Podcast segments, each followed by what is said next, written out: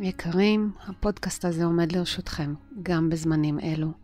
אנחנו ביחד כאן, כמה שצריך, עד שנחזור לשגרה וזמנים טובים.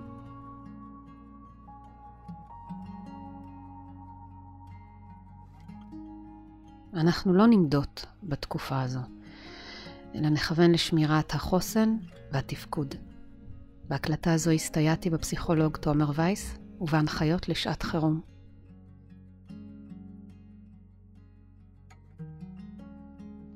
עבורכם ועבור מי שסביבכם עכשיו, צריך שתהיו בהאזנה פעילה.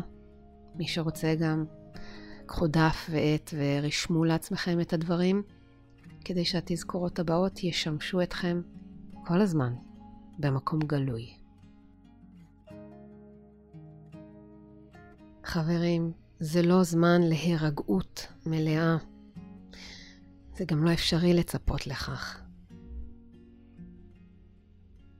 זה הזמן לעשות מה שאפשר לעשות ולהבין שגם הרגשות, התחושות הפיזיות, המחשבות והפעולות אינם במצב מוכר או רגיל. ועל כן, דעו, כל תגובה היא נורמלית.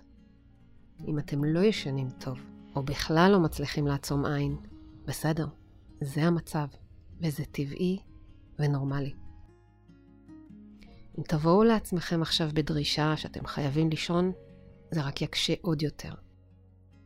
עכשיו ישנים פחות, וזה בסדר ומובן.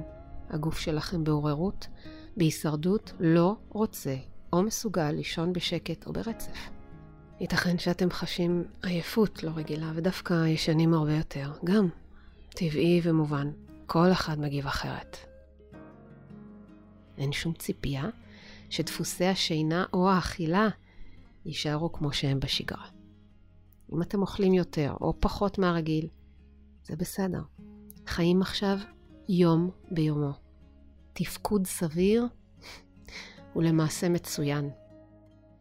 הדפוסים משתנים בהתאמה למצב.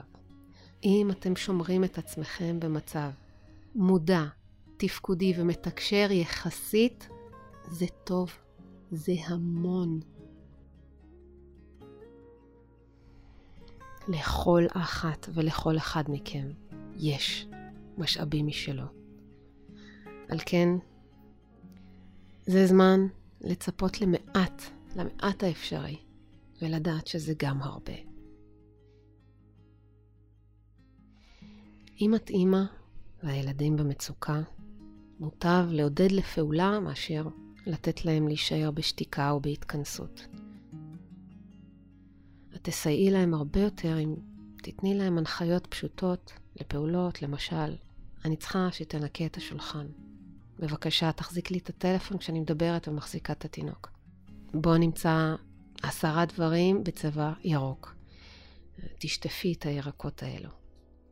זה מוציא את הילד לפעולה ומונע צלילה לטראומה. אם אתה רואה שהשכן הבודד שלך יוצא לחדר מדרגות או המקלט ונמצא באדישות, תשאל אותו אם הוא יכול לשחק איתך שש בש או שחמט, שתסיחו את דעתכם ביחד. אין טעם לחפור עכשיו הרבה ברגשות, כי זה מציף. המטרה שלנו עכשיו היא להפעיל את החשיבה, פחות להתחפר עכשיו ברגש ולהיות uh, עסוקים, בין אם זה למטרת הסחת דעת או למטרות פרקטיות של סיוע לאדם או משפחה או קבוצה. הישארו ממוקדים בפעולות בהווה שלכם. פעולות של סדר וניקיון. אולי לרוץ אל ההליכון. לבשל או להכין סנדוויצ'ים לחיילים. לדבר עם אחים, אבא ואימא. לשחק עם הילדים, לשחק בנייד. לעבוד בגינה וגם לעשות דברים לכאורה בלתי מועילים כלל. זה עדיין מצוין ומועיל בכדי לא לשקוע.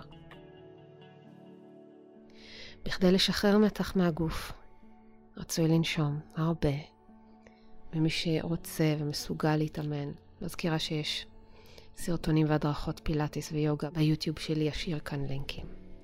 ואם אתם בעצמכם חשים צורך בעזרה, התקשרו לחבר או בת משפחה כל מי שאתם מזהים כדמות קרובה, שבקרבתו אפשר לבכות או לשתוק, להתעטף בחיבוק, בלי צורך אה, להכביר במילים. כי יש מחשבות איומות, נכון, זה בסדר. כולנו בדבר הזה. שמרו את עצמכם ברכות ובנשימה, כדי שתוכלו להיות עבור אחרים. כבדו את הצורך לפעמים להיות לבד, וגם את הצורך להיות ביחד, ללא ציפיות לדבר. נהיה סלחניים לעצמנו, לאחרים, גם כשהווליום עולה. יום ביומו, נעבור את זה ביחד. אעלה כאן הקלטות, מתי שרק אוכל. בשורות טובות. נמסטה.